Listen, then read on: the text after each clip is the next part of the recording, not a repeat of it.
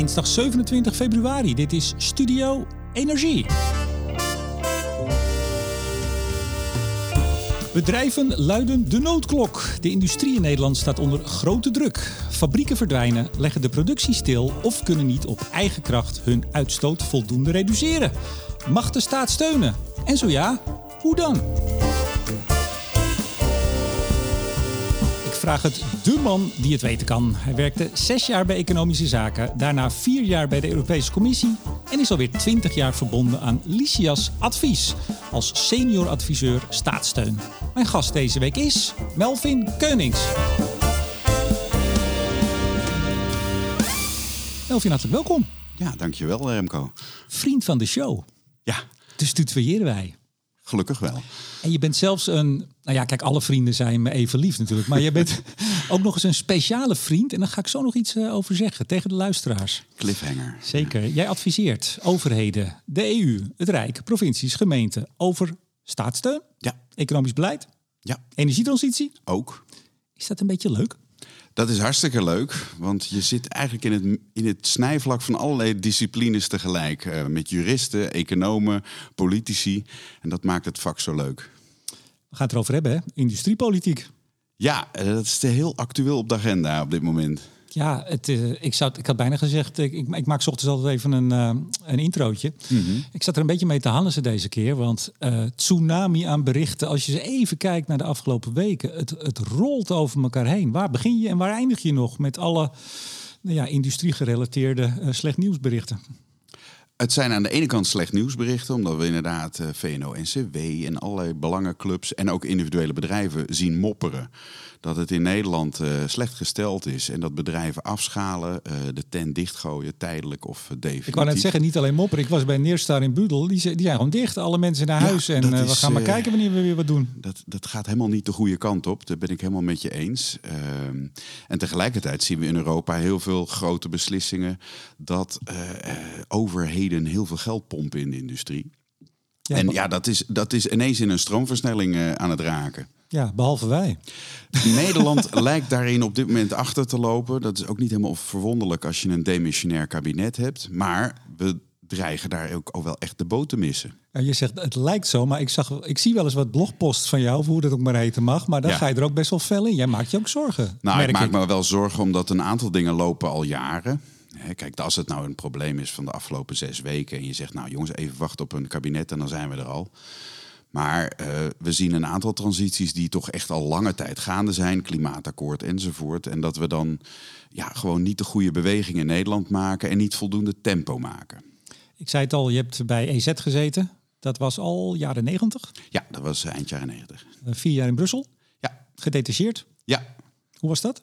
Ja, dat was hartstikke leuk. Want je bent dan eigenlijk gewoon in dienst van de Europese Commissie. Althans, zo functioneer je. Dus je zit midden in het centrum van de macht. En daar worden dan staatssteunbeslissingen genomen. Mag iets wel of mag iets niet?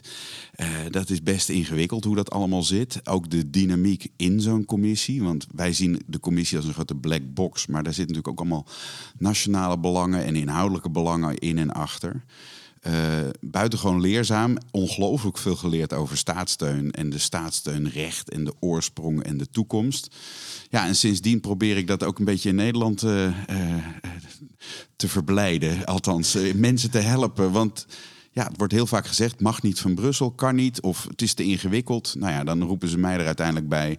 Help jij nou eens even mee om, om het wat vloeiender te krijgen. Ja, jij bent bij heel veel grote zaken betrokken. Je moet maar kijken of je dat noemt of niet. Ik heb geen ja. idee wat er staat. Dus jij werkt bij, of je bent verbonden aan een associé ja. bij uh, Lysias Advies. Dat ja. is een consultancy? Dat is een organisatieadviesbureau. Werken zo'n 40 man, zit in Amersfoort. En dat is niet zo'n misschien huishoudelijk bekende naam. Maar als je bijvoorbeeld kijkt naar het uh, stikstofrapport van Remkes, dat kent iedereen uit het NOS-journaal. En dat is grotendeels door mijn collega's opgeschreven. Dus dat soort dingen doet Lysias heel veel in de coulissen van de overheid. Heel goed. Uh, en jij bent een man van vele talenten, zou ik willen zeggen.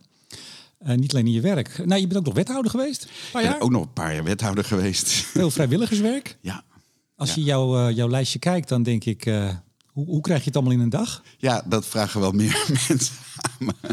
Columnist nog bij De Gelderlander en, en dat uh, is het linkje met vriend van de show, je bent ook nog muzikant. Sterker nog, een multi-instrumentalist. Ja, je hebt sommige mensen die spelen echt maar één instrument. Maar ik speel hoofdzakelijk contrabas en dan af en toe basgitaar. En dus ik kan ook een beetje drummen en ik speel veel piano. Dus ja, ik, ik, ik speel wel meerdere instrumenten en dat is eh, echt voor mijn hobby. Aan de andere kant, dat doe ik nu al zo lang en zoveel dat het ook wel af en toe op beroepsniveau is. Maar gelukkig hoef ik me niet mijn boterham ermee te verdienen. Want uh, als je de zwemles van je kinderen moet betalen van je beroepsmuzikant zijn, uh, dat, dat gaat er niet echt worden. Ja, wij, wij zitten hier in jouw uh, huis buiten, zou ik maar zeggen. In, ja. Is dit Gelderland? Of? Dit is Gelderland. dit is officieel op Hemert, maar we zitten hier in het buitengebied. Ja, ik, ik ja. zie links voor mij zie ik een grote contrabas staan. Dat is de studio. Ik zie rechts een mini-paard buiten lopen en er loopt nog van alles rond. Ja. En dan heb je nog iets met oude auto's. Ja, daar hou ik ook nog van. Dus, uh, want we moeten af en toe nog een stukje sturen. Ja. Hey, maar, maar, even, wij elkaar leren kennen pas vorig jaar eigenlijk. Jij meldde je aan. Uh, nou, ik weet eigenlijk niet meer hoe het gegaan is. Ik weet ook niet meer hoe het gegaan is. Maar ik eindigde uiteindelijk als muzikaal begeleider van Letitia Ouillet. Ja, ja. En, en uh, hoe, ik daar, hoe, hoe, we daar nou precies kwamen, weten we ook Letitia en ik niet helemaal. Nou, maar ik, het was wel hartstikke leuk om te doen. Ja, in Diligentia bij het vijfjarig bestaan van Studio Energie ja. was jij de pianist, de begeleidend pianist bij de grote uh, energie- en klimaatquiz met Martin Visser. Ja, wij hadden contact over iets en toen leek ik dacht dat jij je aanbood als pianist, want uh, Bontebal die zou, maar ja, die werd uh, politicus, die werd best wel een belangrijk politicus. Ja, dus ja, dat was heel moeilijk.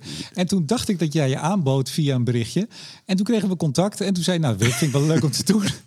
en ik heb daar nieuws over, want jij staat 5 juni aanstaande weer op het podium oh. van Diligentia.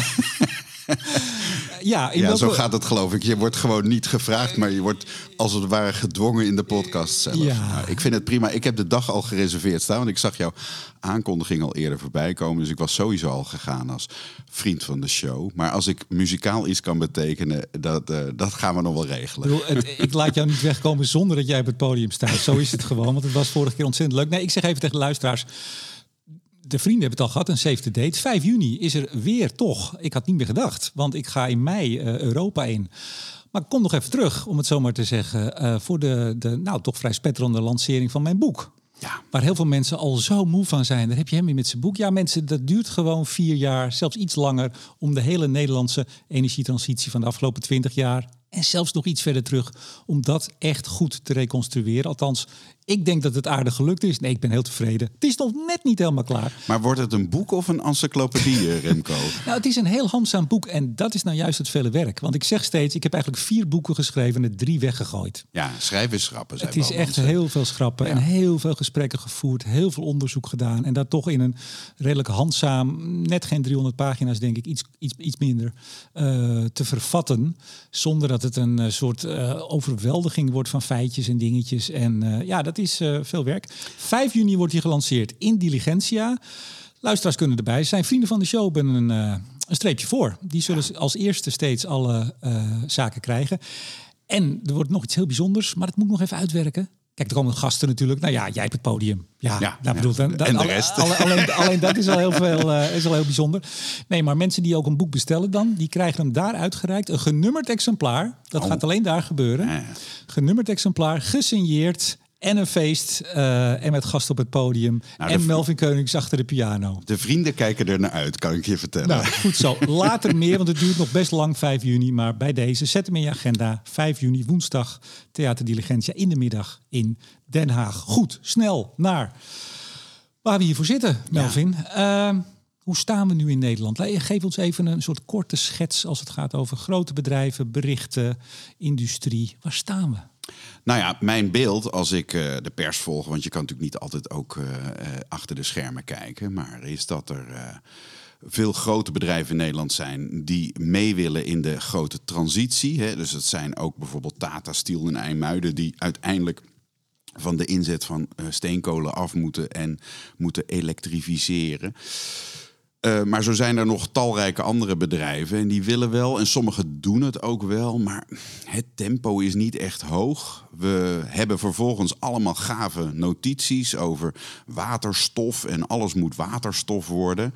Maar als je van wind op zee stroom water, groene waterstof wil maken, dan heb je electrolyzers nodig en die kringen die kosten gewoon hartstikke veel geld. Dat gaat echt naar tientallen miljarden aan investeringskapitaal voor de komende jaren om daadwerkelijk die waterstofeconomie bijvoorbeeld te bouwen. Dat is maar één element van die hele transitie. Dat betekent dat er fors geïnvesteerd moet worden. Nou, en wat dan opvalt, is dat in andere landen om ons heen die handschoen stevig wordt opgepakt. Daar wordt flink geïnvesteerd. Afgelopen vrijdag nog weer ook een groot uh, staalbedrijf uit Bremen in Duitsland... die 1,3 miljard uh, goedkeuring uit Brussel krijgt. Van, hup, jongens, ga maar elektrificeren. Ja, en wat gebeurt er nou in Nederland? Uh, daar Maatwerkafspraken wel. Daar sluiten, ja, maatwerk. Maar ja, dat duurt allemaal en dat is allemaal super complex en ingewikkeld. En we maken het ook best wel moeilijk met elkaar. Aan de ene kant is dat de stroperigheid van Den Haag en ook het gebrek aan een stukje politiek leiderschap wellicht, hè, wat nu uh, ook in een vacuüm zit. Maar we gebruiken of misbruiken wellicht ook wel die spelregels uit Brussel op staatssteun. Van ja, wat kan nou eigenlijk wel en wat kan nou eigenlijk niet? Ja, even toch een positieve. Ik dacht dat het Nobian was, waar nu die zijn het verst met de maatwerkafspraak. Ik dacht 200 miljoen. Ja, hè, daar is weer een laatste champagnekurk uh, getrokken dat er een, een principe-uitspraak is geweest. Maar jongens, het moet allemaal dan nog maar ook uitgerold worden. En het is ook binnen Nobian uh, maar weer één van de vele projecten. En een aantal andere grote Nobian-projecten staan nog steeds uh, ja. in limbo. maar ja. ik, ik probeer, voordat wij begonnen, zei ik, ik, ik ben een beetje somber, Melvin, af en toe. We zitten ja. hier in dit prachtige huis met dit prachtige uitzicht, maar ik ben toch een beetje somber. Ik probeer toch in de podcast iets vrolijker te zijn. Ja, ja, ja. Dus als er een, uh, iets goeds te melden is, in ieder geval Nobian is het verst. Maar wat ik dan wel weer heel treurig vond, laten we het ook melden, dat was ja, voor de kerst. Ik was toen nog even bij BNR met, met uh, Hans van den Berg van Tata Steel. Ja, daar kwam ineens, toen ze toch weer dachten een stap verder te zijn, uh, zette EZK er weer een commissie op met onder andere Hans Weijers. Die dan weer de plannen moest gaan beoordelen waar uh, de directie van Tata door verrast was. Dat dat ineens na twee jaar, anderhalf, twee jaar praten, ineens uit de hoge hoed kwam. Weer een adviescommissie. Ik denk ja. dat dat is wat je bedoelt met die stroperigheid. stroperigheid. Helemaal, ja. En dat, ik kan me ook de frustratie van de grote bedrijven voorstellen. Want vaak zijn die multinationals, die ze hebben ook dus allemaal vestigingen in het buitenland. En die zien het daar sneller gaan. En die worden ongeduldig. Ja, ja, ja. ja, dus ik, kan het, ik zou uh, uh, optimistischer willen zijn, maar ik deel een stukje pessimist bij jou. Althans, ik heb daar een gevoel van call for action. Daar moeten we op korte termijn meer aan gaan doen in Nederland. Ja, en inderdaad, je zei het al, dan uh, klinkt het woord staatssteun. Nou, jij bent de staatssteunman in Nederland, ja. zeg ik. Uh, en dan zegt iedereen, uh, van, van, uh, van politici tot bestuurders, ook politiek bestuurders, maar ook in de media, dat, dat, dat, mag niet of dat kan niet. Hè, dat kan altijd heel veel niet. Wij gaan het erover hebben wat er wel kan. Ja. Dus we gaan straks beginnen met wat is nou eigenlijk staatssteun? Ja. En waarom hebben we het eigenlijk? Of waarom hebben we het niet? Hè? In, Nederland, in Europa. we gaan het hebben over de uitdagingen waar de industrie voor staat. Nemen we, nemen we gewoon even mee. Dat, ik denk dat we dat even kunnen doen voor de, voor de luisteraars. Toch kleine service. en uiteindelijk doen we het einde met wat moet er gebeuren. Ja. Nou, en dan kan jij helemaal los. Want dat... jij ziet dat allemaal gebeuren bij al die grote bedrijven waar jij uh, mag adviseren en mag bijstaan. En ook alle colleges die je geeft. Hè. Ik geloof workshops geef je uh, met... Uh, nou, dan ga ik bijna Lysias zeggen. Lysias. Ja, ja. Ja, we zaten even. Het was, het mag, de Grieken zeggen Lysias, ja. maar wij zeggen in Nederland allemaal gewoon Lysias. Je hebt daar een mooie folder over. Uh, jij bent met een collega daar, de expert staatssteun. Jullie geven colleges ja, en uh, noem, noem maar op. Dus dan mag je helemaal losgaan. Super, zal Goed. ik doen. Eerst, wat is staatssteun? Ja, nou ja, ik zal uh, proberen. Normaal geven wij dan een hele dag college. en dat doe ik dan nu in, in drie minuten. Maak er twee. Uh, maak er twee van. Uh, staatssteun, dat is dus het, het begrip uit het Europees Verdrag. waar het gaat om subsidies. en ook allerlei andere vormen van financieel voordeel voor ondernemers. We hadden de Tweede Wereldoorlog. We zeiden, jongens, we willen echt geen derde wereldoorlog. We sluiten een verdrag. We maken één interne markt. Dat ging stapsgewijs. Hè. Eerst van kolen en staal en uiteindelijk de EEG. En oh. toen het verdrag van Lissabon enzovoort. Eén uh, interne markt. En op die markt gaan we marktwerking doen. Daar moeten bedrijven hun eigen broek op houden. En moeten we geen nationalisme of protectionisme hebben dat de een wordt voorgetrokken op de ander. En dat dus dan de ene staalbedrijf veel meer geld van zijn overheid krijgt dan de ander. Want dan krijg je toch weer nationalisme, protectionisme en uiteindelijk weer oorlog op dit continent. Ja, want letterlijk hè. Dat is bedacht ook om echt oorlog... Dit, want- de de Ja. primaire drijfveer is vrede en veiligheid. En daarna hebben we allemaal de doelen als welvaart en eh, geluk enzovoort. Allemaal, eh, en volksgezondheid en al die andere mooie doelen erbij gekregen. Maar denk eraan, die Europese Unie, de kernwaarde ging om vrede. En het voorkomen van die derde wereldoorlog. En we moeten ons ook beseffen dat geopolitiek gezien dit veruit een van de meest succesvolle projecten ooit is geweest. Want we hebben al bijna 80 jaar vrede. En wij kunnen ons in Nederland ook niet meer voorstellen dat je de oorlog met de Duitsers gaat voeren. Of oorlog met de Fransen gaat voeren. Dat zit gewoon niet eens meer in ons systeem. En dat komt uiteindelijk wel allemaal door die Europese samenwerking en dat concept van één markt. En dus moet je ook realiseren dat die staatssteunregels die zitten echt in, de, in het diepste DNA van de Europese Unie. Daar zit dus in het verdrag een verbod op staatssteun. En dan zeggen we, het mag niet, want we moeten marktwerking hebben. Maar ieder verbod kent dan weer zijn uitzonderingen, dus ook in het Europees verdrag. Het mag niet, tenzij. En tenzij is dan als je een bepaald marktfalen dekt. Dus denk aan ja, innovatie, daar investeren we te weinig in. Dus weet je wat, als je gaat innoveren, krijg je wat subsidie. Eh, energiebesparing, volksgezondheid, werkgelegenheid. Het zijn mooie doelen die we hebben waarvan we weten, daar investeren ondernemers wat te weinig in. Ook omdat ze daar niet snel terugverdienen tijd of zo op hebben. Er zijn allemaal redenen voor. En dus laten we daar dan staatssteun toe. En dan zegt de Europese Commissie, of het verdrag, je mag alleen staatssteun krijgen als je toestemming krijgt uit Brussel. Nou, dat toestemmingsproces is heel stroperig. Dat duurt eh, soms twee of drie jaar. Daar heb je allemaal geen zin in. Dus wat zegt Brussel? We maken daar vrijstellingsverordeningen van. En dan mag je als lidstaat eigenlijk je gang gaan. Binnen bepaalde piketpalen, als het dan specifieker voor dit of dat doel is, mag je tot zoveel maximaal geven. Moet je zelf die regels ook handhaven. En de Europese Commissie kijkt van een afstandje toe. Tenzij het hele grote projecten zijn. Want eh, als het echt eh, nou, over de 50 miljoen gaat, ja, dan wil de Europese Commissie echt wel meekijken. Dus met name die grote investeringen waar we het net over hadden. En denk aan eh, die grote staalbedrijven en, en Waar, waar, olieraffinaderijen. waar de Duitse minister Habeck altijd met miljarden op te strooien de laatste tijd. Waar er echt met vele miljarden op dit moment gestrooid wordt in Europa. daar moet je voor naar Brussel. En daar moet je dus ook een best een taai proces van goedkeuring door. We zitten nu al in het nu. Ja. Maar toch even terug, en je zei het eigenlijk al. Nou ja, 80 jaar vrede, het heeft goed gewerkt. Die staatssteunregels zijn in mijn ogen geopolitiek ongelooflijk belangrijk geweest. En eh, zullen ook belangrijk blijven. Want denk eraan, als je dit allemaal los zou laten, gaan er allerlei nationalistische krachten weer omhoog komen. Dat hebben we ook in de Nederlandse politiek gezien. Hebben in de Duitse politiek zien we dit op dit moment gebeuren. En voor je het weet, sta je weer eigenlijk met je rug naar de grens Ja. of eh, met de wapens naar elkaar. En dat wil je niet. Nee. Dus het heeft goed gewerkt. Dan komen we even in Nederland ten opzichte van, nou, Du- Duitsland viel al. We kunnen de Fransen denk ik ook wel noemen. Ja. Die zijn ook wel redelijk, eh redelijk bedreven Vrijgevig, ja, zeker. in het eh, overeind houden van de eigen eh, industrie. Industriepolitiek. Wat is industriepolitiek? Nou ja, industriepolitiek is eigenlijk het beleid wat je als lidstaat, als kabinet voert of voor je eigen industrie. En dat hebben we in Nederland eh, in de jaren zeventig van de vorige eeuw, hebben we het over lang geleden, hebben we dat vrij intensief gehad. Hadden we ook allemaal staatsbedrijven nog. En toen kregen we het grote RSV-drama, dat de scheepsbouw, eh, daar hadden we miljarden in gestoken. En dat ging alsnog- Rijnsgelden verolmen. Rijnschelde voor dat ging alsnog failliet. was een parlementaire enquête, allemaal gedoe. Maar toen hebben we ook een soort ja, vertrouwensbreuk met dat industriepolitiek opgelopen. Dat was midden jaren tachtig. Toen had je ook Reagan en Thatcher, die heel erg waren op, nou ja, we zouden dat bijna nu neoliberale koers noemen. Hè? Dus Oh, laat die, Pas op hoor, dat is een heel ja, vies dat is een heel woord vies woord, geworden. maar het, is wel, het kwam er wel op neer. eh, zo min mogelijk bemoeienis met de markt, zoveel mogelijk mondiale markten, eh, zo min mogelijk belasting heffen. En eh, laat die bedrijven nou maar gewoon zoveel mogelijk gaan. Het Anglo-Saxische model. En dat, ja, je kan het ook wel het Anglo-Saxische model noemen. Hoewel, als je echt naar de kern van het Anglo-Saxische model kijkt, zie je bijvoorbeeld de Amerikaanse overheid juist heel veel geld weer ook in de industrie stoppen. Nu wel weer. Ook nu, maar ook, eh, ook in de jaren 60. Zo'n Boeing 747 bijvoorbeeld, die is volledig ontwikkeld, de RD, met defensiegeld.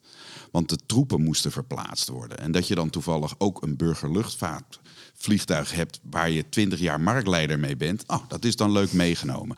Ook dat is Amerikaanse industriepolitiek, waar we in Nederland nou, ook niet altijd goed zicht op hebben. Even, even naar, naar nu. Uh, het, het uh, ontzettende gedoe over de 60 miljard voor Oekraïne, die maar niet ja. loskomt uit de VS. Een flink deel daarvan zal in de VS besteed worden aan de uh, Amerikaanse wapenindustrie.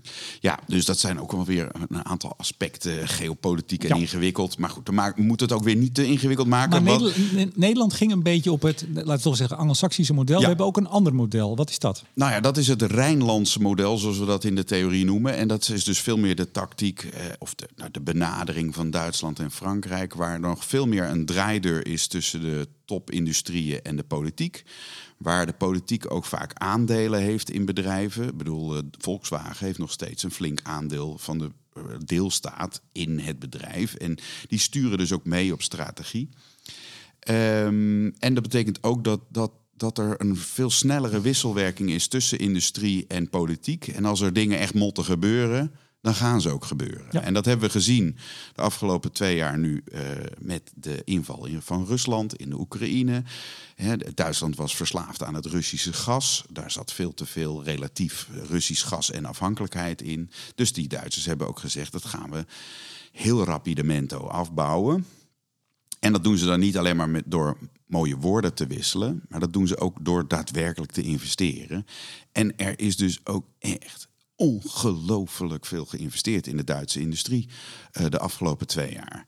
Uh, omdat men echt ziet, dit moet anders en dit kan zo niet. Nou, uh, wij hebben dan in de Nederlandse politiek de afgelopen twee jaar allemaal wel heel erg veroordeeld dat de Russen de Oekraïne invielen. En dat vinden we natuurlijk allemaal heel erg vervelend. Maar we vertalen dat nog nauwelijks tot niet in industriepolitiek. En wat gaan wij daar dan eigenlijk aan doen? Ja. Goed, we hebben misschien ook wat minder die Russische gasverslaving uh, die Duitsland had opgebouwd.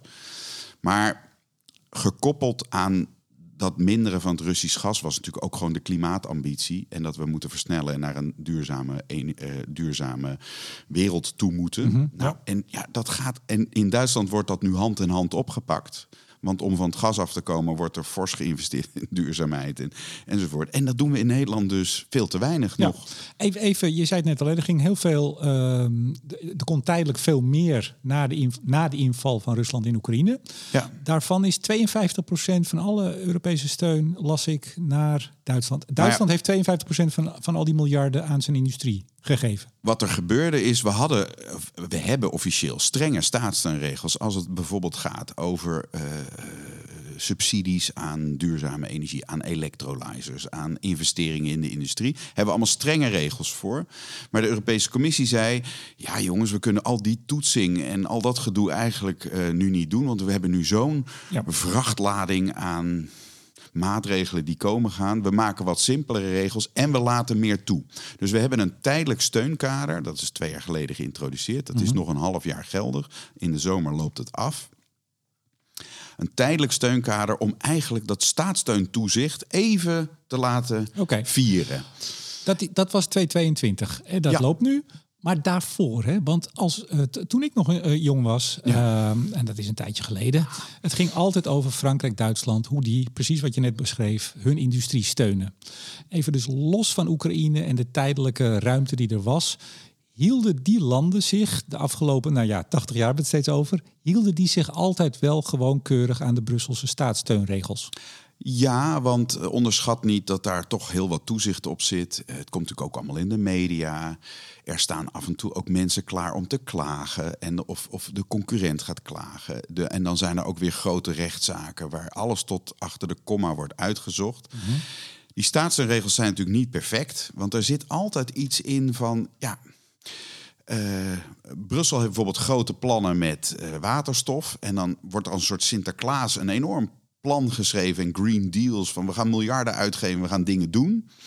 En daarna komt de politieagent, zelfde Brussel, komt binnen en zegt: ja, dit mag niet en dat mag niet en dat mag niet. Dat, dat geeft altijd wrijving. Mm. Daar zitten ook altijd paradoxen in. Dat maakt het ook zo spannend om erover te adviseren. Omdat je het nooit helemaal te pakken hebt, omdat er altijd paradoxen in zitten. Ja, maar het was, het was binnen de regels. Uh, voor zo, kijk, en uh, natuurlijk zijn er soms incidenten Tuurlijk. en uh, er is iets verkeerd gegaan, maar over het algemeen gaat het binnen de regels en over het algemeen gaat het tot op heden volgens de regels. Want ook Duitsland is niet gek. Ze gaan niet een bedrijf 2 miljard steun geven zonder goedkeuring en groen licht uit Brussel. Ja, nou hadden wij ook wel een paar gevalletjes. ABN AMRO in de financiële crisis. En andere financiële instellingen die wij eigenlijk opkochten. Ja. Is dat dan staatssteun? Uh, nee, nou ja, daar, is, en daar hadden we toen ook, uh, dat is natuurlijk alweer in de vorige crisis, hè, rond 2010. Ach, we hebben geweest. er zoveel. Dat Ja. was de voor. Moeten we even een tijdlijntje voor ons plaatsen. Maar ook toen was er een tijdelijk steunkader voor de financiële sector. En waren er allemaal spelregels van uh, hoe doe je dat dan en hoe zorg je ervoor dat een, zeg maar zeggen, een nieuwe staatsbank, wat de ABN AMRO min of meer werd, uh, niet ineens andere banken ook dan de markt uit gaat drukken. Dus dat is allemaal best wel gereguleerd geweest. Daar heeft ook de Europese Commissie allemaal individuele goedkeuringen voor gegeven. Maar als je dat ook bekijkt vanuit het licht van industriepolitiek. Wij werden dus, en zijn nog steeds, groot aandeelhouder van de ABN AMRO. Dan zou je natuurlijk ook als overheid kunnen zeggen... Wat vinden wij nou eigenlijk belangrijk als groot aandeelhouder van zo'n bank? Dat ze alleen maar financieel rendement draaien en op korte termijn liefst zoveel mogelijk dividend uitkeren? Of gaan we die bank ook vergroenen, omdat wij als overheid een groene agenda voeren? En die bank die moet maar mee, want wij zijn groot aandeelhouder en wij bepalen dat. Nou, daar hebben we in Nederland nog enorme moeite mee. Kijk ook maar naar de KLM, waar we ook een, meerder, of een groot belang in kregen mm. tijdens de coronacrisis. We hebben als politiek dan een enorme moeite om ineens industriepolitiek te gaan voeren met die, dit soort belangen. Maar dat is logisch, want dat hebben we 40 jaar niet gedaan. Da daar zit dus inderdaad allemaal ingesleten patronen in de Nederlandse politiek, in de Nederlandse ambtenarij, ook bij de Nederlandse bedrijven wellicht, want die zijn er ook niet zo aan gewend. maar we missen daar wel, als je dat dan even in, in vergelijk met onze omringende landen ziet, daar missen we wel een belangrijke slag. We hebben bijvoorbeeld uh, een heel ander voorbeeld. Uh, netcongestie op dit moment. Ja. De netbeheerders. Ja. Hoe kijk je daar tegenaan met deze bril op? Nou ja, dat, toen ik, ik herinner me nog dat ik wethouder was en dat wij dan ook uh, mede aandeelhouder van Liander, of toen nog, nee, dat, dat Liander en Alliander en dat soort clubs waren, mm -hmm. netwerkbedrijven. En dan stelde ik de vraag, ja, maar wat is nou onze strategie en ook verduurzaming. En leggen we wel de goede netten nu aan en de goede transformatie. Hebben we straks wel stroom? Nou, hebben we straks stroom, maar kunnen we, uh, anticiperen we op die grote transitie die eraan zit te komen? En dan was elke keer het antwoord: nee, we gaan uitsluitend voor financieel rendement. Dus wij rekenen als groot aandeelhouder, als overheden, rekenen wij die, de raad van bestuur van dit soort netwerkbedrijven af op korte termijn financieel rendement. Ja, wees dan ook niet verbaasd dat dus nu inmiddels bijna 15 jaar later dat we ineens met enorme congestie worden geconfronteerd en dat we gewoon verkeerd geïnvesteerd hebben met z'n allen. Maar, maar goed, uh, was de portemonnee wel flink getrokken en er was dus wat misgegaan. Het hoeft niet eens heel groot te zijn, maar als het maar in de miljoenen klinkt, zeker in een kleine uh, gemeente, een paar miljoen, dan was er een kop geweest. Uh, wethouder Keunings gooit geld over de balk. Ja, misschien ook wel, maar dan moet je dus ook als politiek uitleggen aan je eigen gemeenteraad, Tweede Kamer, electoraat dat je niet zomaar aandeelhouder bent, dat er ook een strategie achter zit en dat je dat ook ten dienste stelt van die strategie. En dat we bijvoorbeeld een klimaatakkoord ook echt serieus nemen. En dat de netwerken daar ook op echt op moeten anticiperen. Dat hebben we niet serieus genomen. Dat hebben we onvoldoende serieus genomen. Uh, natuurlijk zijn er allerlei acties wel geweest. We moeten niet, het is niet zwart-wit dat er niks is gebeurd. Maar uh, een deel van het probleem dat we grote netcongestie nu hebben, zit hem in de drijfveer van lokale overheden en provincies. Dat die netwerkbedrijven primair werden uitgezogen voor financieel rendement. Uitgezogen, zo erg? Nou ja, onderschat niet wat het rendement was voor bijvoorbeeld mijn, mijn eigen provincie Gelderland hier. En wat voor een leuk douceurtje het is dat het netwerkbedrijf toch ook iedere keer met rendement aankomt. Want daar worden weer leuke dingen van betaald, zoals sportevenementen voor de provincie enzovoort. Maar waar, waar ging dat dan om, orde grootte? Gewoon?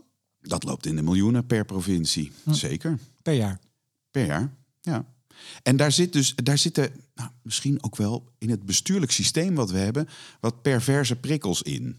Omdat de wethouder van, of de gedeputeerde van Financiën, die gaat over die aandelen. Terwijl de, de gedeputeerde van Klimaat of van Energiebeleid, ja, die gaat niet over die aandelen en die mag daar niet echt wat over zeggen. En die gedeputeerde van uh, aandelen, zou ik maar zeggen, en van, van, van, van die die zegt ja, als ik nu niet financieel rendement niet haal, dan komt de begroting niet rond. Nou, daar, zijn, daar moeten we met, met z'n allen slimmer over na gaan denken. Ja, want wat zijn de uitdagingen waar we staan? Eigenlijk zijn ze al een beetje langsgekomen. Hè? We hebben het over de transitie gehad. Ja. In Nederland. Er moeten heel veel bedrijven, ik zei het ook in de intro, hè? de Tata Steels van, van deze wereld, die moeten snel, sneller, misschien wel verduurzamen. Ja. Uh, en ik zeg sneller, want op zich vallen ze allemaal onder het ETS. En hoeven ze niet sneller dan van Europa hoeft. We hebben het ETS, die regelt dat. We hebben dus ook nog nationale doelen, want die staatssteunregels gaat allemaal over level playing field. Ja. Hou het gelijk in Europa. Ja. In Nederland en ook in andere uh, landen ja, vinden we dat we harder moeten. In hoeverre speelt dat mee? Nou, dat, dat speelt zeker mee. En uh, nogmaals, als ik dan bijvoorbeeld naar die waterstofplannen kijk, dan, dan is de ambitie, we gaan ongelooflijk veel groene waterstof met z'n allen maken. En daar kunnen we dan op rijden en dan kunnen we de chemische industrie mee voeden en noem maar, maar op. Maar lieve mensen, dan moeten we die electrolyzers wel neerzetten. En we hebben op dit moment heel veel onzekerheden in de markt.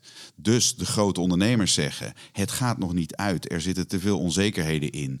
Wij gaan niet naar financial close. Dus we gaan die dingen nog niet bouwen. Mhm. Goed, er wordt er één gebouwd, er worden er drie gebouwd. Maar daar moeten er tientallen komen. Daar moet voor, voor tientallen miljarden geïnvesteerd worden. Alleen al in electrolyzers. Ja. Uh, de gebouwde omgeving. We moeten over naar, uh, van het gas af. Uh, naar andere manieren van verwarmen.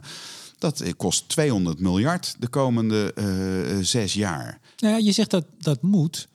Dat, dat is dus de vraag. Dat, nou, dat hebben we natuurlijk ook gewoon afgesproken in het klimaatakkoord. En, en iedereen roept, dat gaan we doen. We gaan ja, van het gas af. Maar, maar, maar daar begint het. Want we hebben een uitstootreductiedoel. En in Europa regelen we dat voor die grote jongens Europees. Ja. En op het moment dat je dan zegt, nou ja, wij willen eh, waterstof. Ja, wij willen. Ja, wij moeten. Dat wordt al snel moeten. En dan gaan we ook nog eens tegen elkaar opbieden als landen. Ja. En dan willen wij meer. En uh, nee, voor je het weet ben je dus het level playing field kwijt. Nou ja, dan ontstaat er ook wel een subsidierace. En dat zie je bijvoorbeeld nu in, uh, in de staalindustrie. En dat uh, Duitse staalbedrijven aan alle kanten ook wel geholpen door die Russische inval in de Oekraïne. En dat de staatssteunregels nu wat verlicht zijn. Mm -hmm. Gaan die Duitse staalbedrijven hard voorwaarts. En die incasseren enorme investeringssubsidies van de Duitse overheid. Uh, en die gaan als een gek dat uh, nieuwe, nieuwe e elektrische processen bouwen om staal te produceren. Want we weten ook met elkaar, daar zit straks de toekomst. Jij komt nu aanrijden in een autootje waar gewoon nog fossiel staal in zit. Maar straks als consumenten of wat dan ook willen wij in auto's rijden die met duurzaam staal zijn gemaakt. Want uh, anders gaan we wel het fossiele staal echt extra belasten. Dat zijn gewoon transities die eraan zitten te komen. En dan moet je nu gaan investeren. In Duitsland bijvoorbeeld wordt er dus, nou, bijna iedere week komt er weer een, een nieuw verhaal uit. Weer een miljard en weer anderhalf miljard en weer drie miljard in een bepaald staalbedrijf. Waar blijft Nederland? Tja, dan wordt het, het wordt nu al somber. We zijn, we zijn nee, ja, klaar. goed. Uh, maar, maar, nee, maar wacht, wacht, wacht even. Want zeg je dan eigenlijk, als ik hem maar even doorvertaal, Tata kan gewoon eigenlijk wel stoppen al. Want die achterstand, het gaat namelijk heel hard. Vorig jaar liep, liep Habeck al met ik ben, ik ben hoopvol, ik ben optimistisch. Ik hoop dat Tata en de Nederlandse overheid, want die kijk ik natuurlijk ook vooral aan. Tata die, die wil misschien wel investeren. Die heeft ook zelfs plannen ingediend. Nee, maar daar komt eerst dan weer ineens een commissie uit ja, de Dan moeten we weer een commissie naar kijken. En dan, dan moeten we weer dit. Toch niet, en, nou, da, da, daar moeten we. we die Konings, maak hem eens concreet. Daar moeten we echt versnellen. Uh, daar moeten we ook slim zijn en zeggen: jongens, uh, we gaan daar wat meer gas geven. Nee, wacht even, dit ga ik onderbreken. We moeten, uh, we ja. moeten versnellen. Ja, goed, we moeten. Nee, maar dat zijn van die. Dat zijn. ik, we gaan even tot de kern nu. Ja. Dat zijn van die, dat is een beetje holle praat. Ja, ja, ja. Tuurlijk, dat moeten we, dat kunnen we alles zeggen. Ja, we moeten versnellen, tandje erbij, en we moeten uh, con concreet. En uh, we zien dus tot nu toe ja. dat dat niet gebeurt. We komen straks bij de oplossing. Ja, ja, Die mag je allemaal gaan vertellen. Maar kunnen we vaststellen dat we dat tot nu toe dus niet zien? En als het zo doorgaat, dan leg je het op een gegeven moment dus af. Ja. In Nederland. Met allerlei bedrijven. Want Neerstar die is nu door het afschaffen van die, ik zeg maar even, de tegemoetkoming in, in de kosten, 30 miljard per jaar meer kwijt dan de fabriek een paar kilometer verderop in België. Ja, dus en hebben gezegd, stop. Ja. Dat zijn toch hele concrete voorbeelden waarvan je zegt, nou, als het zo doorgaat, dan stopt het dus. Ja. Of niet? Uh, uh, ik probeer je even een beetje scherper te krijgen. Nee, dus die, die alarmbel die luidt niet alleen jij nu, maar die luidt VNO-NCW ook en FME en allerlei andere clubs. Die zeggen allemaal jongens, en dan nu actie. Maar jij kijkt Europees, jij kijkt naar al die bedrijven. Staat zo, het is zo. Of is het alleen maar weer ketelmuziek van de bedrijven? Nee, ik zie dus echt om mij heen. En dan met name omdat ik met, een zekere beroepsdeformatie natuurlijk ook die staatssteundossiers volg volg. En dan zie ik inderdaad dat in Duitsland ja, grote sommen geld worden uitgekeerd. En dan valt dus inderdaad op, en dan krijgen we nog even een soort geopolitiek probleem. Die Duitsers die trekken enorm de, de portemonnee. Je ook ingegeven door het tijdelijke verruiming van staatssteunregels. Dat doen overigens Italië en Spanje ook. Die gebruiken daar vaak weer Europees geld voor wat wij als netto-betaler in Nederland weer ophoesten aan die Europese begroting. Oh, laten we die uh, can of worms niet opentrekken. Ja, maar goed, uh, geopolitiek speelt dit allemaal wel. En samen pakken dus Duitsland, Italië, Spanje nu bijna 90% van, de, van al die uitgaves, van die stroomversnelling in de industrie. En Nederland, nu de afgelopen 24 maanden, staat erbij en kijkt ernaar. Als, er, als mensen het al überhaupt zien. Want ik heb ook zelfs de beleving dat een heleboel politici het gewoon helemaal niet zien. We hebben twee weken geleden een behandeling in de Tweede Kamer gehad over het verdienvermogen van Nederland. Dat was genieten, hè? Melvin? Nou, ik vind, ja goed, ieder Kamerlid is vogeltje gebekt enzovoort. Maar ik vind het toch bijna beschamend dat sommige Kamerleden achteroverleunen en discussies starten over inkomenspolitiek en het salaris van de directeur. Terwijl het echt over het verdienvermogen zou moeten gaan. Ik zag dat volgens mij een LinkedIn-bericht, misschien ook op een andere social media van jou erover. Nou, er kwam geen stoom uit je oren, maar jouw klein beetje kennende wel een beetje, hè? Nou ja, ik vond dat, ik vond dat niet de goede toon in dat debat. En wat er dan ook gebeurde, was dat mensen bijna gingen applaudisseren dat minister Adriaansens uh, het, de, de, de uitrol van het Nationaal Groeifonds ging uitstellen. Dat mensen zeiden, ja, wat verstandig. Waarvan ik denk, verstandig. We moeten gas erop met dat groeifonds. Want dat is ook investeren in RD. Dat is investeren in grootschalige marktdemonstraties. Daar moet je niet blij van worden dat je het uitstelt. Daar moet je zeker gezien deze geopolitieke uh, uh, constellatie, dan moet je uh, versnelling in aanbrengen. Nou, kleine zijstap dan even. Ja. Want ik heb er ook wel eens naar gekeken. Kijk, je, je kan 30 miljard of hoeveel het is, die, die, kan je goed besteden. Je kan 30 miljard ook door het putje spoelen.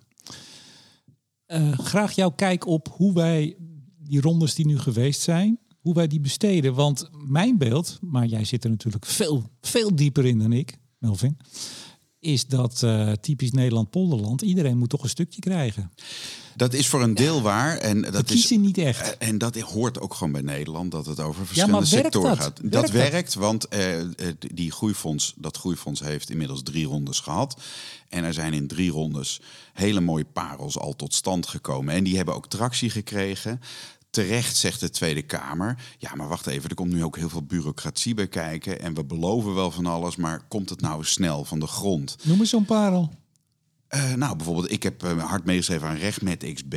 Dat is dan de Regenerative Medicines. Dus dat is regeneratieve geneeskunde. En daar, komen, daar wordt nu enorme tractie gemaakt. Dus zo zijn er nog wel meer. Als op die website van het Nationaal Groeifonds kan je allemaal hartstikke mooie voorbeelden in de medische hoek. In de, nee, die plannen die zien er allemaal fantastisch uit. Die heb ik ook gezien. Nee, maar daar, daar komen nu ook echt. ja? Ik heb zelf in de tweede ronde Einstein Telescope geweldig wetenschappelijk verhaal gedaan. En daar zie je nu ook dat gewoon concreet MKB'ers met die pot geld die we toen uit dat groeifonds hebben gehaald, aan de slag zijn met technologieontwikkeling. Oké, nou daar, daar zien we dus een lichtpuntje. Daar zie ik lichtpuntjes, zeker. Goed, zo. Maar even toch.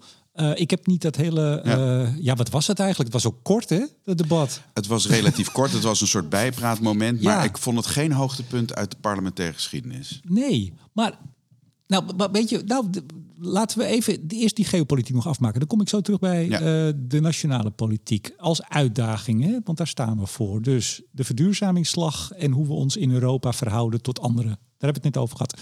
Nu even geopolitiek. Dan komen we natuurlijk altijd aan met de VS, met de uh, Inflation Reduction Act. De, nou, pak een beetje 300, 400 miljard. Ik weet niet eens precies. Doet er ook niet zoveel Heel toe. veel. Heel veel.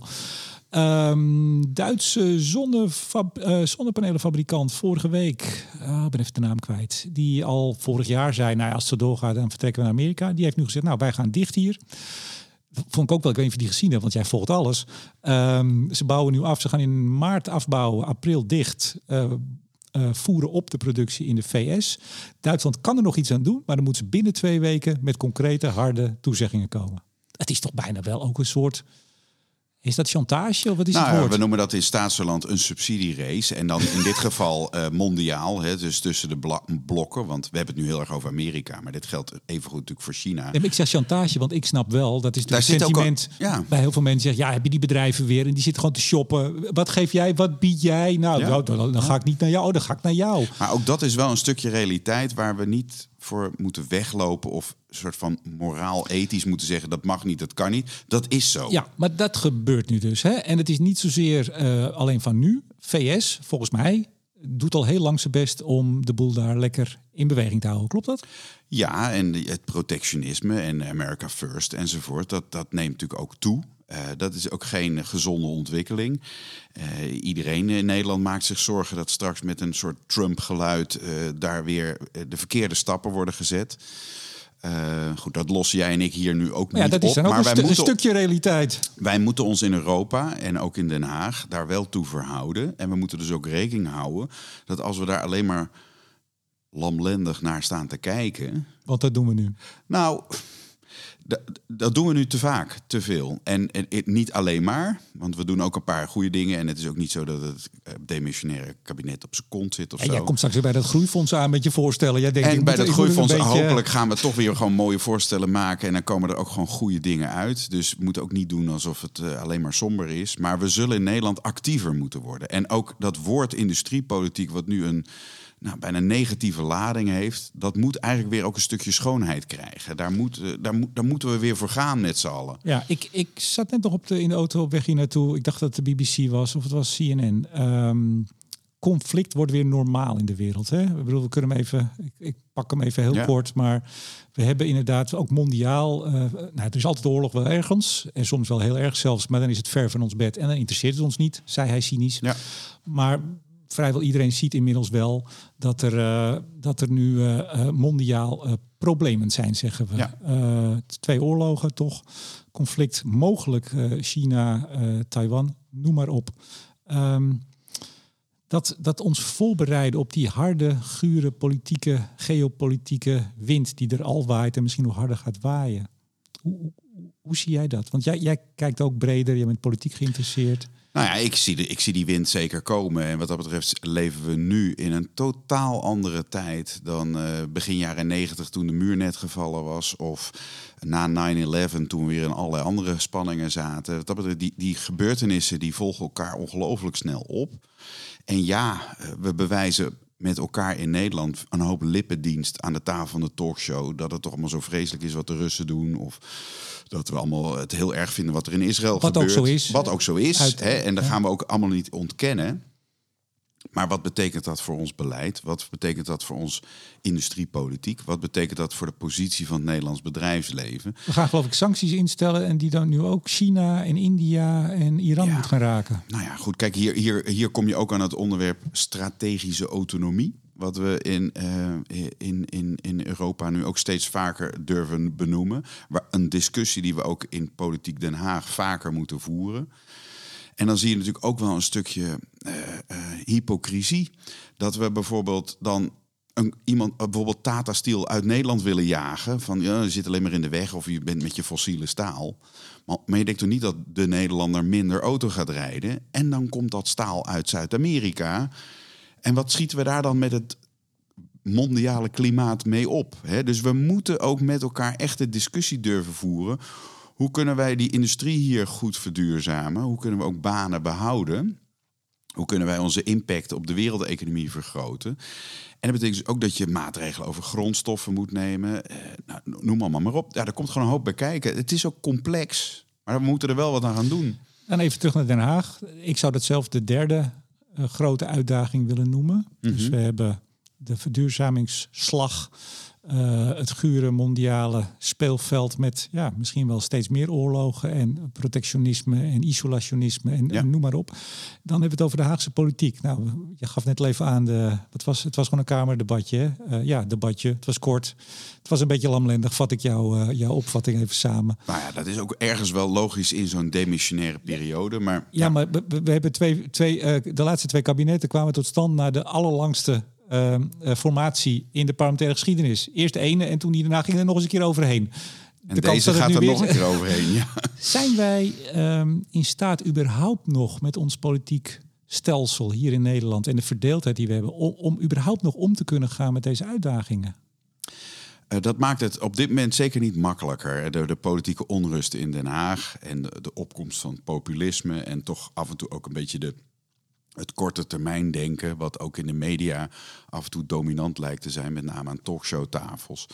En dan gaat het heel snel over koopkracht. Nou, en dan zag je bijvoorbeeld bij het Nationaal Groeifonds, nou weet je wat, we stellen de accijnsverhoging wat langer uit en dan nemen we gewoon een graai uit het groeifonds. Het is eigenlijk uit industriepolitiek en geopolitiek oogpunt ondenkbaar dat je zoiets doet. Het is echt een vreselijke beslissing. Maar het is ook dagdagelijkse politiek om het volk dan maar weer een cadeautje op de accijnzen te geven. En dan op te sturen op korte termijn koopkrachtplaatjes. Terwijl je door dit soort maatregelen en niet het nemen van de maatregelen die nodig zijn. Het de langetermijn verdienvermogen ernstig onder druk zet. En daarmee het langetermijn bestaanszekerheid van de Nederlanders. Maar, maar onze poldercultuur, ik zeg het vaker en ik zeg het nou, op zich ook positief, dat heeft ons ontzettend veel gebracht. Ja. Dat heeft ons heel ver gebracht. Ja. Maar zou je misschien moeten zeggen dat die cultuur, die overlegcultuur, waarmee we er altijd met z'n allen toch wel uitkomen, gewoon niet geschikt is als het gaat over één, transities, radicale transities, want dat is het toch uiteindelijk. Eh, en ook niet over het kiezen en champions aanwijzen, zoals de Duitsers en de Fransen dat bijvoorbeeld meer kunnen. Kunnen wij dat Ja, überhaupt dat, nog ik wel? denk dat dat laatste inderdaad een, een probleem is in zo'n poldercultuur. Eh, grote transities daarentegen. Ik bedoel, ik hoor het jou in de podcast ook met regelmaat zeggen. We moeten niet doen alsof het klimaatakkoord en het energieakkoord allemaal niks oplevert. Juist door het zo breed te organiseren, zijn we ook met elkaar in staat om behoorlijk grote stappen te zetten. En bijvoorbeeld op het terrein van zonnepanelen of zonnestroom, en nou, noem al die voorbeelden maar op, wind op zee, ook gewoon hele grote stappen te zetten. Grotere stappen dan andere lidstaten. Dus ik heb ergens ook wel het vertrouwen dat we met ons poldercultuurtje, wat jij en ik ook gewoon niet veranderd krijgen. Want Zeker. zo zit de aard van de Nederlanders en de Ja, Nederlandse vraag politiek in elkaar. bereidt ons dat voor? Kunnen we daarmee de uitdagingen waar we nu voor staan en Nou ja, we zullen jaar- wel moeten. En dat betekent ook dat we signalen die wij nu eh, wisselen, eh, breder moeten trekken, breder moeten agenderen. Moeten we vaker aan, aan die, die alarmbel luiden. En ook gewoon met praktische voorbeelden komen. Ja, en ik hoop ook dat er zo straks aan de orde is dat er maatregelen komen bij de KLM, maatregelen bij Tata Steel, maatregelen bij Sh- Shell olieraffinaderij in, in, in Rotterdam. Dat je er dan met z'n allen ook echt voor staat. En dat in een context doet. En ook met elkaar begrijpt, we gaan dus ook investeren in die handel. Want als we daar niet investeren, ja, dan worden we echt alleen maar een diensteconomie met gouden hoer wat we verkopen. En maar daar kunnen we onze economie niet op draaien. Nee. Overigens, ik ben het helemaal met je eens dat eh, klimaatakkoord, energieakkoord veel hebben opgeleverd. Alleen, er zijn altijd twee aspecten bij. Eh, vaak ontkennen we dan ook nog de voortgang. Ja, Juist partijen en mensen zijn die... zijn we ook goed in Nou ja, nee, maar dat, dat, dat speelt wel een belangrijke rol. Want daardoor maak je uiteindelijk soms ook keuzes in de uitwerking die absoluut niet verstandig zijn.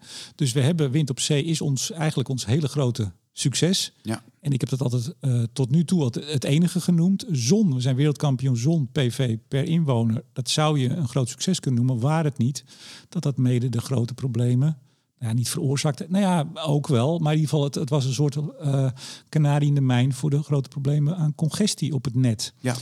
Dus eh, we zijn in staat gebleken om die akkoorden te sluiten. Er is ook best veel uitgekomen. Wind op zee is een voorbeeld. Overigens zeer geholpen door de ontwikkeling de jaren daarvoor... door de Duitsers met name, de Denen en ook de Britten... die de miljarden wel hebben besteed toen wij dat nog niet durfden. En ook weer een hoop winst hebben gedraaid door de verkoop van al die panelen aan Nederland. Hè? Ja. Precies, maar tegelijk zie je dat we daar dus niet dan met z'n allen als land en ook niet als Den Haag als Kamer blij mee zijn of trots. En denken, nou dat smaakt naar meer.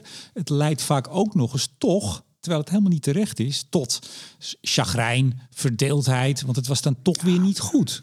Nou ja, of, of wat je ziet is misplaatst optimisme. Dat we met wind op zee op een gegeven moment wat rondes hebben gehad. Dat de SDE op nul uitkwam. En dat we eigenlijk zeiden, hé, hey, dat is leuk. Kunnen subsidievrij de molens op zee neerzetten. Wat natuurlijk niet zo is, want die hele infrastructuur er naartoe moet wel degelijk collectief betaald worden. Maar daardoor is er ook een soort gevoel gekomen. Ah, die energietransitie die gaat wel vanzelf. Dat pakt die markt wel op. Daar hoeven we als overheid niet meer zo de portemonnee te trekken. Nou, dat, is misschien in jouw kringen, maar er zitten heel veel mensen op snelwegen af en toe die zeggen er gebeurt gewoon helemaal niks in Nederland.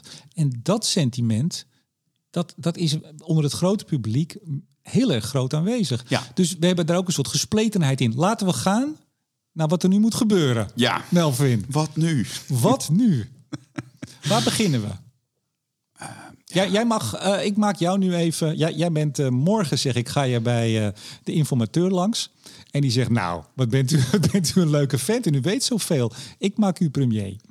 Ja, nou ja, er, zit natuurlijk een, een, inderdaad een politieke dimensie aan. Van hoe, krijgt, hoe, hoe komt een nieuw kabinet in welke samenstelling en vorm en manier dan ook. Maar hoe komt hij snel op vlieghoogte? Want ik denk dat dat ontzettend belangrijk is. Niks is zo erg als er nu een kabinet gaat komen dat gaat zeggen... Nou, we gaan eerst weer honderd dagen luisteren naar iedereen. En dan gaan we plannen, maar... Nee, want we zitten al gewoon midden in een, in een, in een, in een shitstorm. Nee, waar we... we... hebben de, we hebben de analyse nu gehad. We gaan nu naar de ja, oplossingen. Nou, ik denk dat er gewoon ook een top 10 of top 20 van grote Nederlandse bedrijven moet komen... met gewoon hun urgente investeringsagenda en dan niet lullen, maar doorpakken. Uh, er moet, er moet ja, wacht, veel... nee, wacht even, wacht even. Dus, dus uh, de, de ASML's, de NXP's, die allemaal ook bang zijn dat het niet goed gaat. Ja. Te weinig kennismigranten deze kant op. Allerlei ja. problemen. Er moeten gewoon de succesvoorwaarden bij. Want het is natuurlijk ondenkbaar dat een club als ASML zonder kennismigranten in Nederland door kan groeien. Dus daar moet je volstrekte helderheid als kabinet maar dat, over dat kan ik binnen twee weken voor je regelen. ja, nee, dat, die lijstjes die hebben ze. Maar goed, en dan? Dan komt dat in Den Haag, want daar moet geld naartoe. Ja, en dan zal het ook door de Tweede Kamer nadrukkelijk moeten worden gedragen, want die gaat alleen maar, of gaat alleen maar, daar zit een neiging toe om te zeggen, ja, ho, ho, moet het geld nou allemaal weer naar de bedrijven?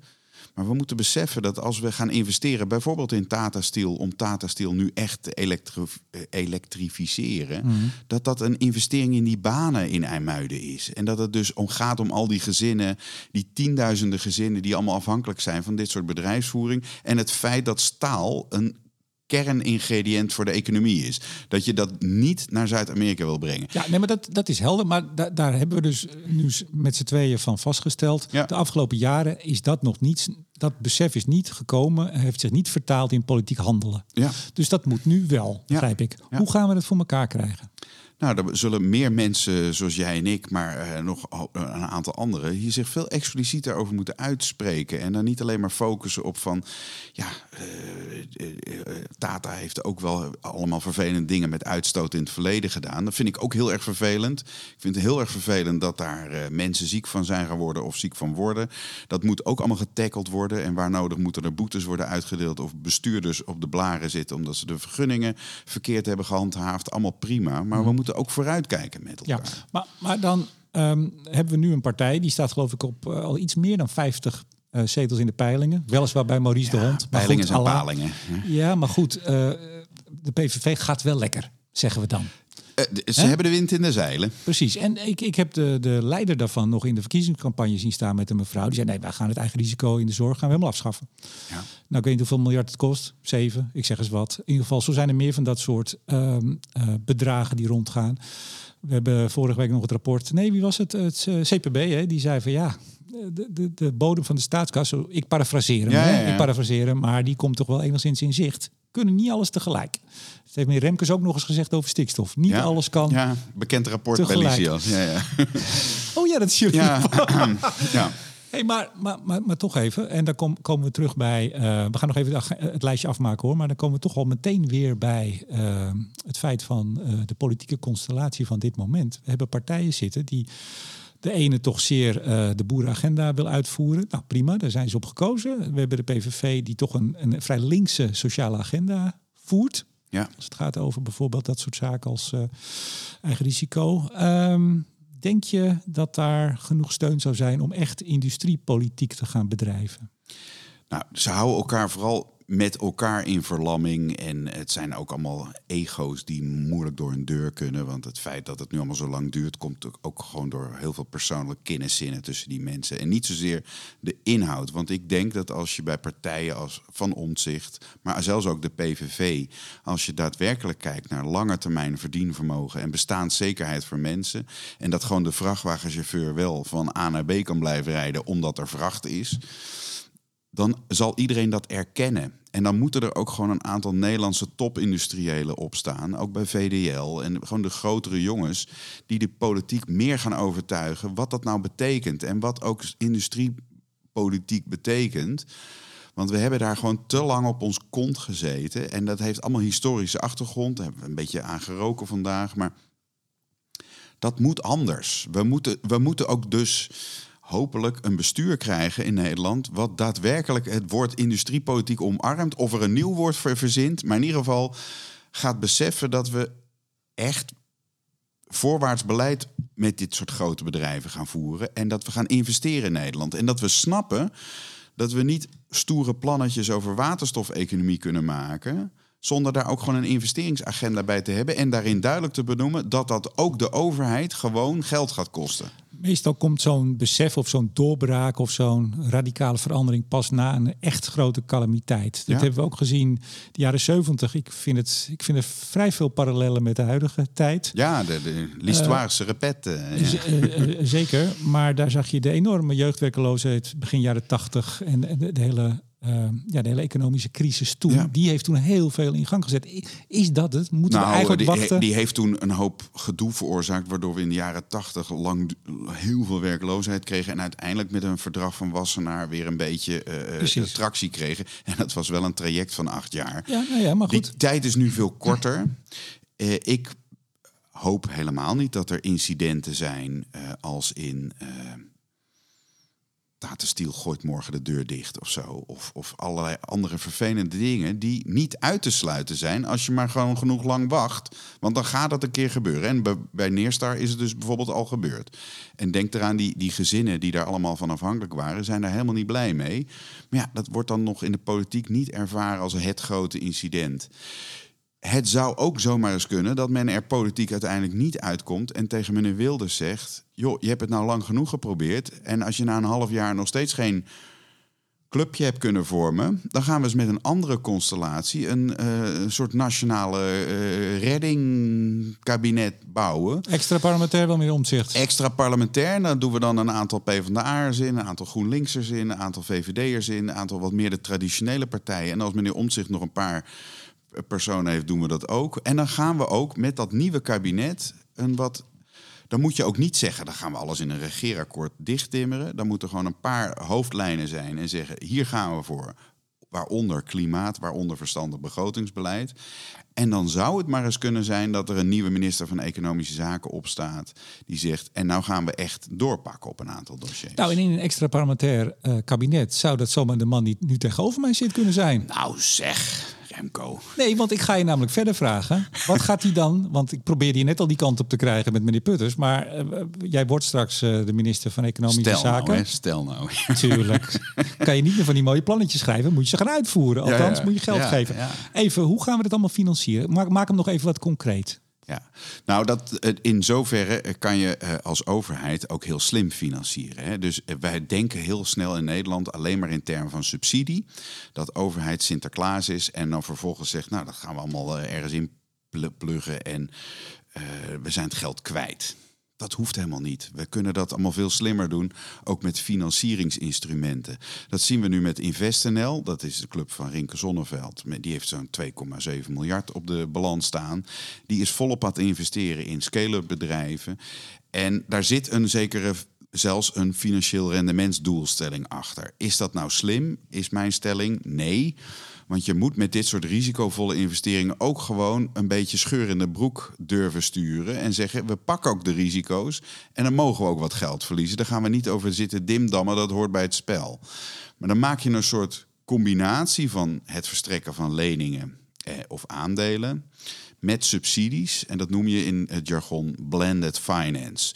Het opmerkelijke is, daar is Brussel al volop mee bezig. Dus Brussel zegt, Stop nou met al die subsidies. Ga over naar financieringsinstrumenten. Zet daar een stukje subsidie in.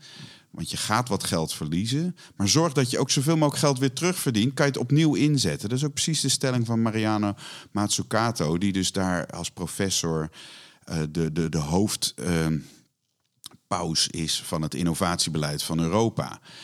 Maar als ik het woord blended finance in de Tweede Kamer laat vallen, zit iedereen mee aan te kijken, waar heb je het over? Dat kennen we niet. Dat zit niet in ons systeem. Maar daar moeten we wel heen. Daar moeten we dus ook slimmer en openbaarder en met elkaar vaker over nadenken. Wat voor. Eh, kijk, als we als straks al die electrolyzers gaan, gaan bouwen, gaan we dat toch niet allemaal met subsidiegeld doen? Geef die gasten een hele goedkope lening, rentevrij desnoods. Dan gaan we wel wat geld erop verliezen. Maar uiteindelijk krijgen we het grootste deel van die financiering weer terug. Maar, goed, onder uh, uh, minister Keunings ja. Wordt de staat dus de staat gaat ondernemen. De staat gaat Je krijgt dus de ondernemende staat, de titel van het boek van Matsukato, wat ook alweer inmiddels bijna tien jaar oud is en wat nog heel langzaam maar aan het indalen is in Nederland. Want in Nederland doen wij niet aan industriepolitiek. We moeten niet ondernemen. Je moet juist wel wat durven ondernemen. Niet echt op de stoel van de ondernemer gaan zitten, maar wel goed kijken wat heb je nodig en zit er een blokkade in de financiering of zit er een blokkade in de, in de ruimtelijke ordening of in de staatssteunregels? Jongens, die pakken we dan gelijk aan. En dan gaan we niet twee jaar lang met commissies en lange procedures. Nee, we regelen het gewoon binnen een maand. Ja, was mevrouw Matsukato ook niet diegene die nog een boek heeft geschreven... dat consultants eigenlijk zo'n beetje het slechtste zijn wat er is? Ja, ja. en daar heeft ze niet helemaal ongelijk in. Natuurlijk niet uh, Lycians advies. Wij zijn een, een klein groepje dappere ridders. Het is ook een stuk onvermogen van de overheid soms om, om dan maar weer zoveel adviseurs in te huren. Goed. Uh, Kleine zijstand. Ja, uh, Matsukato heeft ook niet alles wat ze zegt klopt, hè, klopt. Natuurlijk. Nee, natuurlijk. Maar in Den Haag is ze volgens mij wel ook een heldin bij heel veel partijen. Dus die Zeker. Hebben, die hebben toch nog niet goed gelezen wat ze heeft geschreven, of wel? Nou, ik denk dat ze het uh, aardig gelezen hebben, maar ze zetten het nog niet om in actie. Want, want we, in het Nederlandse beleid, hè, we hebben ook topsectorenbeleid gehad en we hebben al die mooie lijnen gehad. En voor een deel wordt het wel een beetje uitgevoerd. Maar we zijn ook heel makkelijk om dan maar weer te denken... ach, die vijfde ronde van het Nationaal Groeifonds... weet je wat, laat dat maar zitten. We gaan dat geld ergens anders aan besteden. Wat er lijnrecht tegen de hele filosofie van Matsukato is... en waar ik dus ook geen voorstander van, van zou zijn... daar moeten we juist op doorpakken. Even, we hebben dus een, een, agenda nodig, een lange termijn agenda. De bedrijven moeten die in ieder geval van onderaf voeden. Wat is er nodig om de BV Nederland, ook zo'n rot woord, maar goed, de BV Nederland draaiende te houden. Ja. Toch? Ja. De grote jongens moeten bij elkaar komen. Dit en dit en dit is er nodig. De overheid moet uh, dan zelf een, een lange termijn, langjarige agenda opstellen. Ja. Moet daar met zijn gewicht achter gaan staan. Ja. Met nieuwe financieringsinstrumenten die er al zijn en die Brussel al hanteert, maar wij in Nederland nog niet. Ja. Ja? We moeten politiek hebben die bij elkaar komt. Extra parlementair of in ieder geval uh, wat dan ook. Laat ze lekker achterover zitten in die kamer met kopjes thee. Maar de trein rijdt door. Ja. Met sommige ministers die daar dan goed werk gaan doen. Um, financieringsinstrumenten hebben we het over gehad. Moeten er nog regels aangepast worden, staatssteunregels? Of Staat alles in Europa klaar en in Nederland? Nee, sta het staat in Europa helaas nog niet klaar. We hebben wel een tijdelijk kader. Dus als je kijkt naar die transitiemaatregelen en ook die specifieke maatregelen over Russisch gas, dan kan je nu gebruik maken van die tijdelijke regels. Wat Nederland overigens dus nauwelijks doet, maar de Duitsers volop. Die regels lopen binnenkort af. En dan vallen we weer terug op de ouderwetse staatssteunregels, waar je heel erg lang in ingewikkeld moet toetsen. Kan dat nou wel of kan dat nou niet? Ik ben bij een aantal van die zaken betrokken. Het is tergend langzaam. En het is e- echt ook niet goed dat die staatssteunregels zoveel vertraging geven. Dus die staatssteunregels moeten simpeler als we met elkaar bijvoorbeeld, en dan geef ik toch maar weer het voorbeeld van die electrolyzers, maar het gaat even goed op voor alle andere technieken en, en dingen die we moeten veranderen in Europa. Maar als we willen dat electrolyzers hartstikke belangrijk zijn en we willen toelaten dat zo'n electrolyzer voor 40% met zachte leningen wordt gefinancierd. Of zelfs met een deel subsidie. Dan moeten we daar gewoon het heel eenvoudig maken en zeggen: wat zijn de investeringskosten? 20% daarvan mag subsidie zijn. Of uh, 30% mag uh, zachte lening, renteloze lening zijn. En vooruit met de geit. Uh, desnoods ook in een vrijstellingsbepaling. Dat je gelijk gewoon door kan. Dat je niet meer anderhalf jaar op, op goedkeuring uit Brussel moet wachten. Maar dat je gewoon doorpakt. Nou, daar moeten we als Nederland ook in Brussel voor pleiten. Voor veel soepeler staatssteunregels erop. Maar het lijkt er soms op dat wij vanuit Den Haag dan in Brussel gaan pleiten voor strenge regels. Want we zijn bang dat Duitsland en Frankrijk zo vrijgevig zijn. Dus we gaan het liever nog moeilijker maken dan dat we het makkelijker maken. en, dan waren we net een beetje positief bezig. Nee, dus ik geef maar aan hoe ingewikkeld dat soms is. En ik zou dan willen eindigen met een optimistische oproep. Heel graag. Verruim nou die staatssteunregels. Zorg ook vanuit Nederland dat je daarmee akkoord gaat dat dat makkelijker wordt en dat dat, lang, dat dat ook langere termijn zekerheid geeft. Want je moet zo'n programma over zes jaar kunnen uitrollen. Terwijl het huidige tijdelijke kader hang, hangt deze zomer weer op. En dan weten we eigenlijk niet meer wat we daarna kunnen doen. De verwachting is dat bij de Europese verkiezingen in juni een eh, ruk naar rechts volgt. Dat zegt iedereen. Dan denk ik, nou, misschien is het dan wel zo. Wat betekent dat voor deze materie, denk je? Ja, dat zal het er misschien niet makkelijker op maken. Want uh, je hoort de christendemocraten in Europa al pleiten. Nou, die Green Deal die moeten we maar eens temporiseren enzovoort. Als de ambities uh, gaan schuiven, gaan vertragen. Ja, hoeveel ambitie hebben we dan om de staatssteunregels aan te passen? Hoeveel ambitie hebben we dan in Nederland om het industriebeleid serieus te nemen? Dus het is geen gunstige ontwikkeling. Het kan wel zo zijn dat als die ruk naar rechts, die ook door een stuk nationalisme wordt ingegeven en ook door een stuk een zorgpunt over de bestaanszekerheid van inwoners. Als diezelfde populistische partijen dan ook erkennen, die bestaanszekerheid van inwoners gaat over onze industrie en we gaan onze industrie dus helpen, ja, dan zitten we weer op de goede koers, want dan vind je elkaar weer. Maar ja, ik kan het nog niet zo goed voorspellen. We gaan het zien, zeggen we dan. We gaan het zien. Het wordt, een spannende, het wordt een spannend jaar met al die verkiezingen. Toen ik jou vrijdag vroeg en ook toen ik hier aankwam, zei ik kan hier uren over praten. Het is één uur en, en, en een paar minuten geworden. Heb je toch je hele verhaal kunnen doen? Nou ja, ja goed. Ik kan nog uren doorgaan, Remco. dat weet je misschien dan ook. Maar ik, uh, ik, ik, ik heb wel heel wat eh, kunnen vertellen. Dus daar ben ik ook blij mee. Melvin Keunings, geassocieerd senior adviseur staatssteun verbonden aan Licia's advies. Hartelijk dank voor het gesprek. Ja, en jij bedankt uh, dat je hier langs bent gekomen. En uiteraard bedank ik ook jullie beste luisteraars. In het bijzonder alle vrienden van de show. En wil je nou ook vriend van de show worden? Ja, dat kan. Ga dan naar vriendvandeshow.nl. Dan zoek je even Studio Energie op. De rest bij zich vanzelf. En dan, nou, dan krijg je ook als een van de eerste krijg je een uitnodiging. En de mogelijkheid om erbij te zijn 5 juni. Bij de presentatie van mijn uh, nieuwe boek over de transitie. Uh, in Theater Diligentia 5 juni. Dus misschien tot dan. Tot zover zeg ik dan. Mijn naam is Remco de Boer. Graag tot de volgende keer.